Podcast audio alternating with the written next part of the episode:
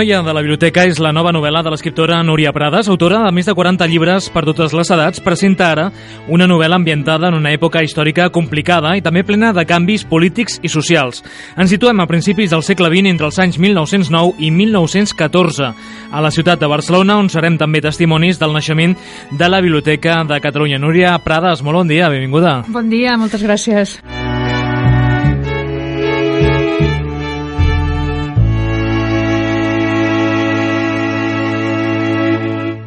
La noia de la biblioteca, la teva darrera novel·la, situa en una època convulsa, d'agitació popular i potser també una època molt llaminera per, per novel·lar, no? Molt, molt, perquè... Bé, clar, jo quan dic així, això penso, no, home, és que èpoques per novel·lar gairebé totes, no? Però, clar, quan t'introdueixes en aquesta època concreta, des de la Setmana Tràgica, eh, després eh, comencem a, a, a descobrir la Barcelona que, que, que, que s'obre amb, la mancomunitat, totes les coses que es fan, abans d'arribar just a l'època del, del pistolerisme, no? que, que ja serà l'explosió de moltes coses que aquí veiem la, la llavor que es va posant. És molt maca, és molt maca maca aquesta època. Què et va fer decidir eh, ambientar-te en, aquesta, en aquesta època i escriure la, la noia de la biblioteca? La decisió va ser una mica això oportuna, no? perquè en pensar en una novel·la per adults, com m'havia demanat Editorial Columna, a mi, evidentment, mm, jo no sé si és dir molt, dir que és gènere històric, jo la veig més costumista que històrica, això és molt discutible, però sí que volia mm, doncs, que fos una novel·la que passés en una època passada, a Barcelona, i estàvem anant cap al, al 2014 i precisament el 1914 s'obre, s'inaugura la Biblioteca de Catalunya. Bueno, és una, és una bona època. Llavors vaig començar a treure el nas amb tot el que va ser la Biblioteca de Catalunya i em va semblar mm, molt interessant parlar-ne. Parles, Sara, i has comentat uh, aquesta literatura per a, per a adults, que és La noia a la biblioteca, però uh, si repassem els llibres que has publicat, la gran majoria són llibres uh, adreçats als, als joves, no? Des de literatura infantil i literatura juvenil. Uh, no sé si això t'ha suposat un, un gran canvi a l'hora d'escriure. Ha sigut un canvi, evidentment, perquè, aviam, només per... Si ens posem així en plan molt senzill, només per número de pàgines, la cosa ja canvia, no? Però, no solament per això, evidentment, sinó amb el tractament dels personatges, a l'hora d'aprofundir-hi més. És, és, són camins molt diferents, Um, tampoc diria que un és més fàcil o és més difícil que l'altre, són diferents. Mm, el que passa és que el Premi Carlemany que vaig guanyar ja va ser una mica la porta cap a aquesta, aquest tipus de literatura. Mm, jo el veia més adreçat als joves, però bueno, és, una, és un tipus de literatura que és molt consumible per tot tipus de lector. I aleshores, doncs, mm, al demanar-me aquesta novel·la per adults, se'm va obrir una porta i l'estic realment gaudint moltíssim, la qual cosa no vol dir que deixi d'escriure per joves o, o per nens si es presenta l'ocasió, però que, bueno, que durant 20 anys ho he estat fent i que ara doncs, obre una altra porta que em té molt il·lusionada. Per tant, et venia de gust fer-ho? em venia molt de gust, em venia molt de gust. Tenia molta por, o sigui, la frase era no podré, no podré, però t'hi poses i, i jo diré que és que no exagero si dic que gairebé la novel·la se me'n va emportar, eh? Em va, em va portar la novel·la de la mà més que al contrari.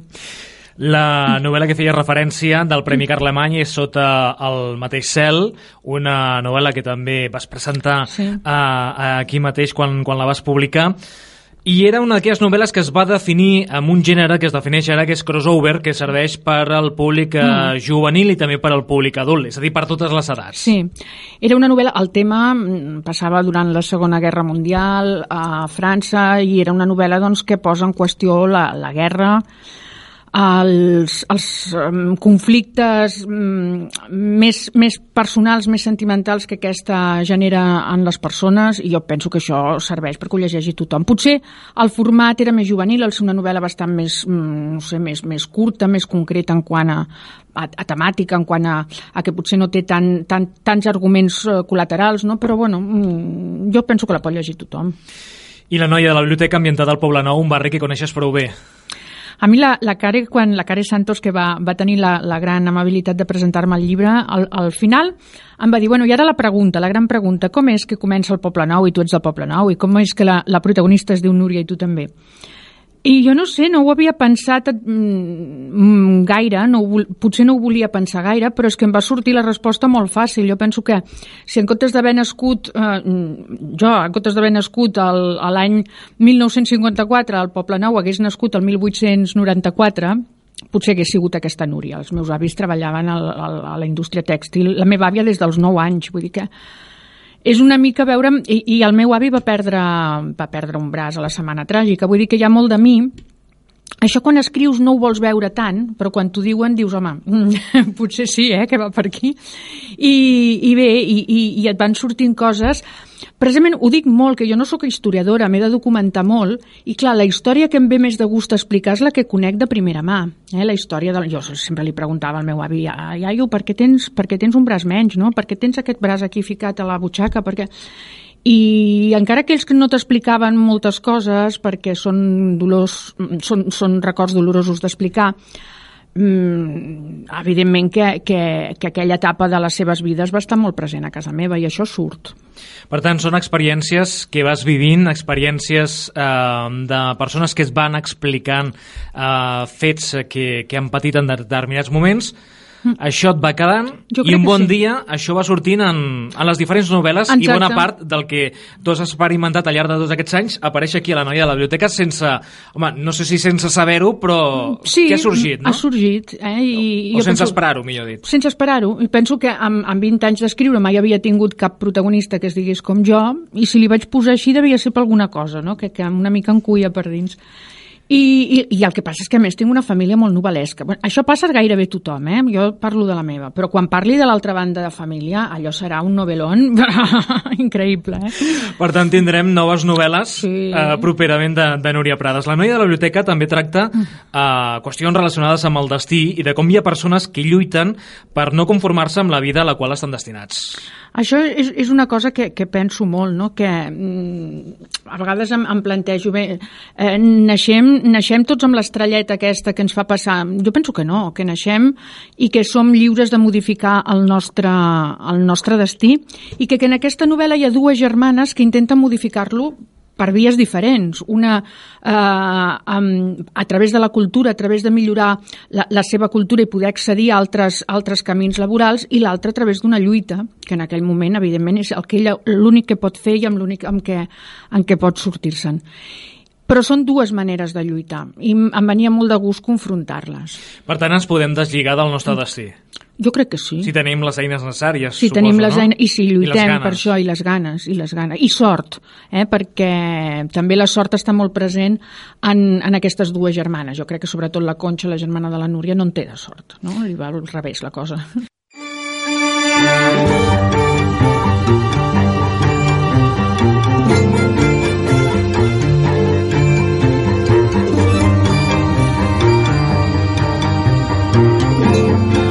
Doncs parlem d'aquestes dues germanes, mm. eh, les dues germanes Soler, la Núria i la Conxa, mm. eh, que fan, doncs, la seva, faran de la seva lluita però per vides oposades i per vies oposades. La Núria a través de la cultura, com has comentat, i la Conxa a través de la lluita sindicalista. Sí. Dues germanes que lluiten però per un mateix objectiu, eh? Sí, volen... Hi ha un moment en què la, la Conxa ho diu molt clar, no? Jo no vull que els meus fills siguin, tinguin la vida que jo he tingut treballant. A Poble Nou hi havia una fàbrica que es veu que era com com un camp de concentració que la coneixien com les xinxes perquè, perquè estava, n'estava ple, les noies doncs, sortien d'allà malaltes, allà, bueno, era, és, és, és coneguda la memòria, i clar, ella a, arriba un moment que diu, jo no vull que els meus fills passin per això, si la meva vida ha de ser això, jo lluito, prefereixo agafar les armes, no? que és quan el seu pare li diu, estàs boja i tal.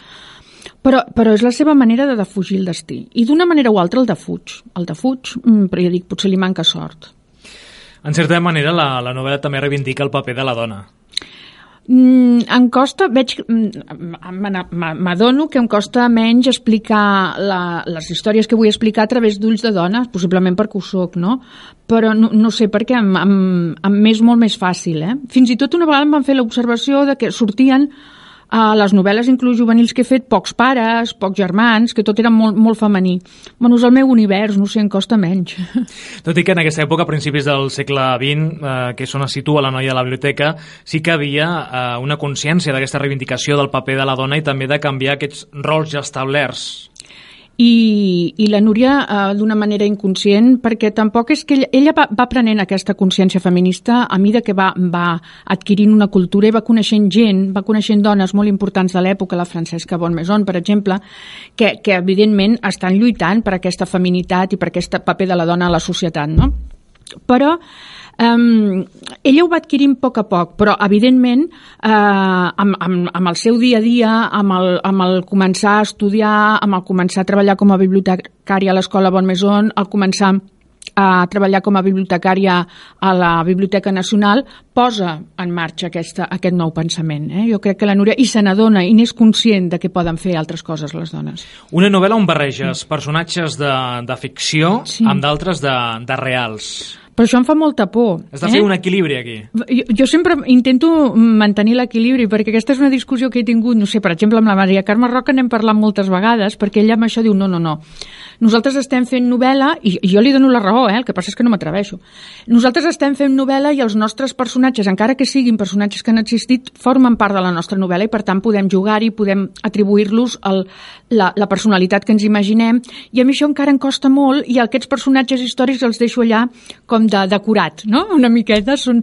Però bueno, jo crec que mm, tot és acostumar-s'hi. Jo amb ella l'entenc i penso que té raó a fer-ho, eh? De totes maneres, aquests personatges eh, històrics, reals, que apareixen a, a la novel·la, aniria molt bé doncs, que el lector, mm. i ja que estem parlant d'una biblioteca, doncs busqués més informació d'aquests personatges per la seva importància que, sí.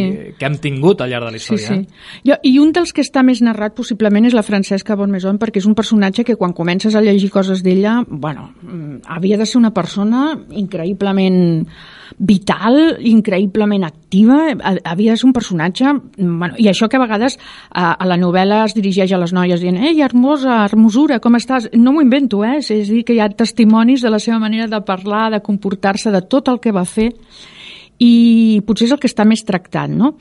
Altres personatges queden una mica més foscos perquè la, la, els, la documentació que trobes és estrictament professional, però et costa molt fer-te la idea de com era com a persona, no? Podria ser protagonista d'una novel·la teva? Qui? La Francesca la... Bonmaison? Home, sens dubte, perquè, perquè a més a més és un personatge que dedica tota la vida a la dona, sobretot a la dona obrera, eh, fa una obra increïble i ha de marxar durant la guerra pensant que tot allò no ha, valut, no ha valgut per res, no? I, i, i aquest fet, que, que nosaltres, evidentment, encara que a vegades diem que parlem molt de la guerra, escrivim molt de la guerra, però és que està aquí i molta gent doncs, va tenir aquesta sensació i va tenir aquest, aquesta gran frustració al final, ja, ja quan era gran, pensar que havia de marxar lluny de casa i que tot allò quedava. I no ha quedat, perquè tenim l'escola de la dona encara ben activa, però bé, durant uns anys es va haver d'amagar. I, i evidentment dona per una novel·la i molt, i molt més. La novel·la centra també en el naixement, com hem dit abans, de la Biblioteca de, de Catalunya, on la protagonista, la Núria Soler, doncs, entrarà a treballar com a auxiliar de, de biblioteca i a partir d'aquí eh, anirem coneixent doncs, detalls d'aquests de, inicis. Sí. Clar, el primer que em trobo quan, quan començo a documentar-me és que la Biblioteca Nacional de Catalunya no és la que tenim ara. I dius, bé, doncs vaig a parlar d'una cosa que ja no existeix, perquè la Biblioteca Nacional de Catalunya, eh, quan s'inaugura el 28 de maig del 1914, està al Palau de la Generalitat entrant pel carrer del Bisbe, eh, que això sí que encara veiem la porta, sense no hi ha cap encara, ara no hi ha cap inscripció, però i després l'any 31 es comença a traslladar, es trasllada definitivament al 39 i bé, és, és, és, des del 39 la tenim on la tenim ara, el que era l'Hospital de la Santa Creu. Sí que era un somni per la, per la mancomunitat eh, i va ser una de les notícies molt esperades. Molt. Es va estar preparant durant molts anys els diners que es van invertir en comprar col·leccions senceres com, com la de Verdaguer els diners que es van invertir viatjant per tot arreu, per tota Europa, veient els funcionaments de diferents biblioteques, sobretot el model alemany. Uh, que el Rubió estava, havia estat estudiant a Alemanya i en, en sabia, en, teníem uh, uh, coses tan, tan lògiques als nostres ulls com poder-te'n d'un llibre a casa en préstec és una cosa absolutament moderna i nova i hi ha un, un fragment en què ho diu un de la, una de les bibliotecàries diu, home no, no els deixem que no ens els tornaran els llibres però què fem, no? I, i va ser, va ser un somni d'anys que, que, que va, va, van ser molts esforços. Una de les coses que a mi em preocupava, perquè vaig tenir l'ajut de, la, de la Reis Fontanals, que és l'arxivera de, de la Biblioteca Nacional de Catalunya, em va ajudar molt en moltes coses, dir, ho veus molt, molt impossible, molt irrisori que una noia de la, de la, de la classe social de la Núria arribi a, ser, a treballar a la Biblioteca Nacional. Diu, home, no, perquè pensa que l'escola bibliotecària es comença a funcionar un any després de la inauguració de la biblioteca, el 1915. Per tant, les primeres noies que van ocupar aquests llocs de bibliotecàries eren noies que venien de l'escola Bonmaison. La majoria eren mestres, això és veritat, i noies amb, potser amb més formació que la meva protagonista, però tampoc és una cosa tan, tan, tan, tan descabellada. Això em va, em va tranquil·litzar molt. Per tant, potser si busquessin a, a la història, segurament que trobaríem doncs, una Algú... Núria molt semblant a la teva Núria, en la que Podria apareix la noia ser. a la biblioteca, no? Podria ser, aviam, no sé. No, ja et dic... Com, com a mínim això hagués sigut possible. Hagués eh? sigut possible, sí, sí. sí, sí. Uh, parlem de tots aquests canvis. El sistema de, de préstec, evidentment, va ser una de les grans novetats, uh, però aquesta Biblioteca de Catalunya va portar altres novetats i altres canvis.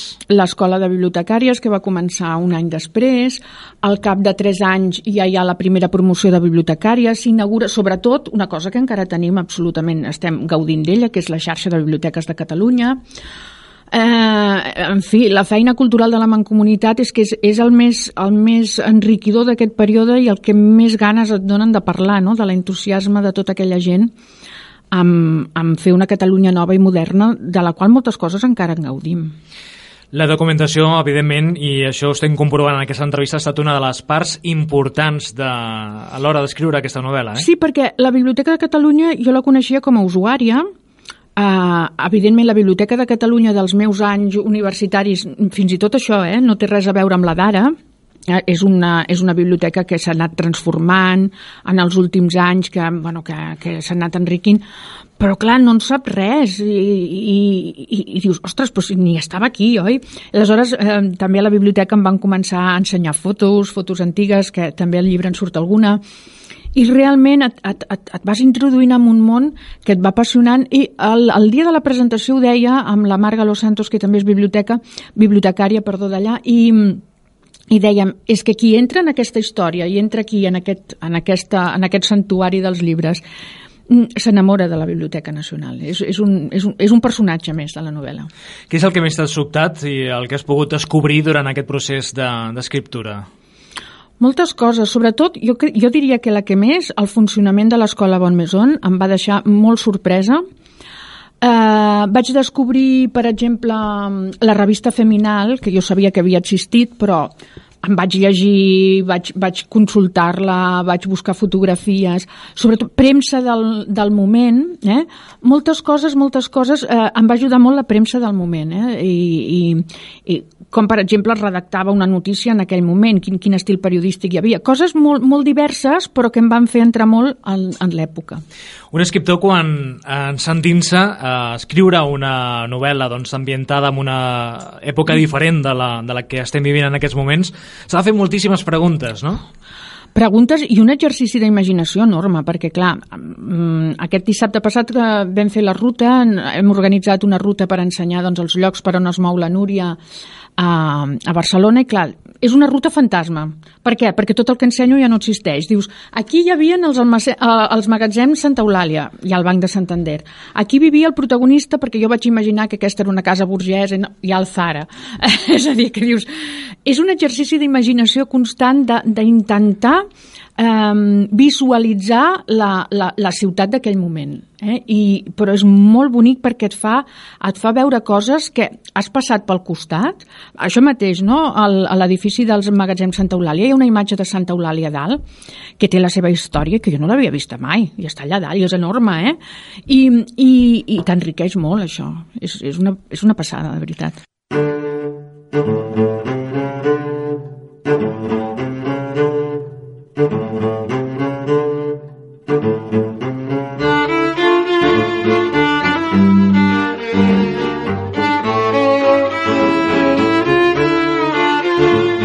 Biblioteques han evolucionat, avui en dia poden ser ja considerades centres d'oci, mm. eh, més enllà del que és el préstec de, dels ah, llibres. Clar, ha, ha canviat molt, no? I ara fins i tot, doncs, mm, per promocionar la novel·la fem... Eh, vaig, visito biblioteques i sobretot els clubs lectors. L'altre dia, fins i tot, amb una novel·la infantil vaig visitar un club lector de nens que va ser una meravella. Vull dir que, que, que també la biblioteca es converteix en un lloc eh, que no solament eh, té la, el llibre a l'abast del lector, sinó que el comenta, el viu, el, el llegeix en, en, en, en grup i, i a partir d'aquí, si pot ser i va l'autor, doncs es fa, es fa un, un enriquiment total d'aquella obra. No? Això és, és molt diferent.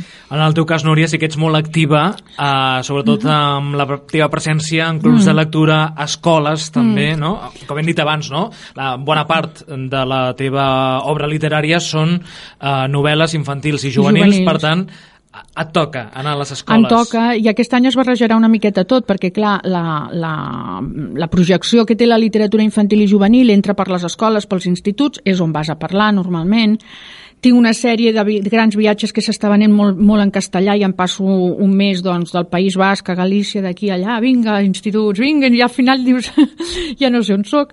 I ara resulta que la literatura per adults doncs, és més un recorregut d'això, de fer una ruta per gent gran, d'anar a biblioteques, i ara es barrejarà tot, però alegria. Ho seguiràs fent i amb bon humor, fent. com sempre, no? Sí, tant. Uh, la novel·la La noia de la biblioteca, com dèiem, publicada per Editorial Columna, uh, transmet l'amor per la cultura, també l'amor als llibres, eh, què et va despertar aquesta passió? Jo crec que el meu pare, perquè jo des de petita, petita, petita, he tingut a casa no molts llibres, però sí molt triats, i, i, i, i he tingut l'objecte llibre a casa, no? I he pogut dir, papa, i això què és? I llegeix allò, i, i vaja, jo sempre des de... Bueno, i el meu germà és bibliotecari, vull dir que una mica ho tenim en els gens, això, no? I bueno, després vaig intentar fer una, una carrera, vaig intentar estudiar una carrera que em portés als llibres, com és Filologia Catalana, i he, he, he sigut molt feliç enseny, ensenyant llengua i literatura catalanes, vull dir que va amb mi, eh? Som un paquet. De fet, durant un temps vas treballar com a, com a professora, durant força temps, però un bon dia decideixes de, deixar sí. uh, la feina doncs, ensenyant per escriure. Estava Va molt... ser difícil prendre aquella decisió? Molt. A, a tots nivells, clar, penses, ostres, ara ja això de tenir la nòmina cada mes s'ha acabat. Això, això, per descomptat, ja és molt difícil. Però és que després, jo que estava molt cansada era dels continus canvis en quant a programes. Em va agafar una època molt dolenta, estava molt cansada. Que si ara preparo això, però l'any que ve ja... O sigui, em sentia realment que la meva feina era molt diferent a la d'uns anys abans, eh, no podia ensenyar el que jo volia ensenyar, cada vegada era... No, em vaig sentir molt cremada en aquest sentit. I, i vaig trigar tres anys eh, per fer aquest pas i per fer aquesta, aquesta decisió, però vaig pensar que tenia un camí obert, els meus fills també eren més grans, ja no era el mateix que tenir tants problemes amb quan tens a les escoles dels nens. Els meus... Eh, mira, ho vaig fer, ara fa 10 anys. No te'n penedeixes d'aquesta decisió, no? No. Tenint en compte tots els llibres que has publicat No, no me n'apenedeixo. No? Penso que no m'ha anat malament. No és una professió en què ens puguem estar tranquils econòmicament mai, eh? menys en aquests temps, però, bueno, qui ho està, no? Tampoc. És que no, no ho penso des d'aquest punt de vista, eh? Hi ha coses que m'han compensat molt, hi ha altres que no tant, hi ha llibres que estic molt contenta, i altres que no tant, però soc molt feliç escrivint i estic arribant a una edat que es tracta de fer una mica el que vingui de gust fer, eh? que ja toca. Uh, D'aquesta noia de la biblioteca, què n'esperes? El que jo demanaria és que Mira, a mi, eh, més que la promoció que fem des de l'editorial, la que pugui fer jo acudint a tot arreu, el, que, el fet de que fos una novel·la d'aquelles de boca a orella, que la gent digués oi, llegeix-la, que és que m'ho he passat molt bé i està molt bé, això és, és un premi pel, per l'escriptor. Eh? M'agradaria que fos una novel·la que estigués present, no en el taulell de novetats de les, de les llibreries, perquè novetats n'hi ha moltes i unes es van menjant les altres, sinó que estigués molt temps a l'abast de tothom i que, bueno, pues això, que la llegís molta gent, això és el que més, més m'agradaria. Tot i que uh, aquest llibre, el que és la, la coberta, és una coberta molt atractiva. Molt, molt, molt, molt. Jo quan la vaig veure vaig plorar, eh? perquè vaig pensar, ostres, que maca, perquè té aquest to així una mica melancòlic, uh, les guardes, uh, hi ha la, la imatge de la biblioteca, que és, això és la biblioteca antiga, la sala de lectura de la biblioteca antiga i és un llibre que jo trobo molt, molt, molt atraient, molt bonic. L'altre dia, una anècdota, vaig entrar a la casa del llibre, precisament hi havia un senyor amb el llibre a les mans, que se'l mirava per davant, per darrere, i jo pensava, ai, a veure què farà, no? No, al final el va deixar, eh? Però se'l va estar mirant força estona, vaig dir, això és que li ha agradat. A la contraportada apareix una fotografia teva. Eh. Vull dir que el lector, si t'hagués vist, eh? potser t'hagués sí. pogut reconèixer, no? Sí, sí, no, però vaig d'incògnit, perquè clar... Què sent un escriptor quan va a una llibreria i veu doncs, a, un lector que agafa en aquells moments de, de molts llibres que poden haver a una llibreria, agafa un concretament Penses, i, i és el teu. Penses, va, home, va, fes un esforç que t'agradarà, no? I aniries gairebé, diries, va. A mi, precisament, aquí a la Casa del Llibre, clar, ara ja pagues i el, el carnet d'identitat no el dones, però abans amb, amb aquell altre tipus de targes de crèdit que havies d'ensenyar el carnet, no? Doncs una vegada a la Casa del Llibre um, van, se'm van quedar mirant van dir, tu ets la Núria Prades que escrius? I jo em vaig quedar que, que, que ja no sortia per la porta aquell dia, vaig pensar, uah, bla. Però és, és divertit, no?, veure el teu llibre allà i veure que la, la gent el té a l'abast, i clar, t'agradaria que se l'enduguessin. En quin missatge eh, ens hauríem de quedar un cop llegida la, la novel·la La noia de la biblioteca? Doncs que hem tingut una Barcelona, que, que vivim en una Barcelona que és com és perquè jo crec, no crec, jo no, perquè va haver una Barcelona que va ser com va ser, que han hagut etapes... Eh, ahir vam viure una, una, un dia molt especial aquí a Catalunya, un dia històric, però tot això ve de lluites anteriors i de lluites doncs, que també han arribat a, a, a, a bon port, malgrat que ens sembli que no i malgrat tot el que ha passat, perquè han, han sentat les bases de la Catalunya que és avui, i això és, jo ho agraeixo moltíssim. Doncs eh, convidem els nostres oients a que llegeixin La noia de la biblioteca, aquesta novel·la doncs, ambientada en una època molt curta, del 1909-1914, però no per ser curta no vol dir que no van passar moltes coses, mm. perquè déu nhi Intensa, curta però intensa, eh? Una, una època, com dèiem, convulsa, d'agitació popular i una època doncs, que ara Núria Prades el volgut traslladar amb la novel·la La noia de la, de la biblioteca, que també ens parla sobre la creació de la Biblioteca de Catalunya, però té moltes més històries, sobretot arran d'aquestes eh, dues germanes eh, que lluiten per vies oposades, però amb un mateix objectiu. Núria Prades, eh, encantats novament de tenir-te aquí eh, en aquest programa i que et vagi molt bé, segurament que seguirem molt atents a les teves properes novetats, perquè ara que has començat ja aquesta ah, línia ah. de literatura per adults i pel que podem comprovar, tal com tu has passat, jo crec que continuaràs per a Jo crec que sí, eh, que m'haureu d'aguantar uns dies més, eh, perquè ara és difícil parar quan una cosa doncs, la, la gaudeixes tant i, i et fa feliç. Doncs encantats de que sigui Gràcies, així. Gràcies, a vosaltres.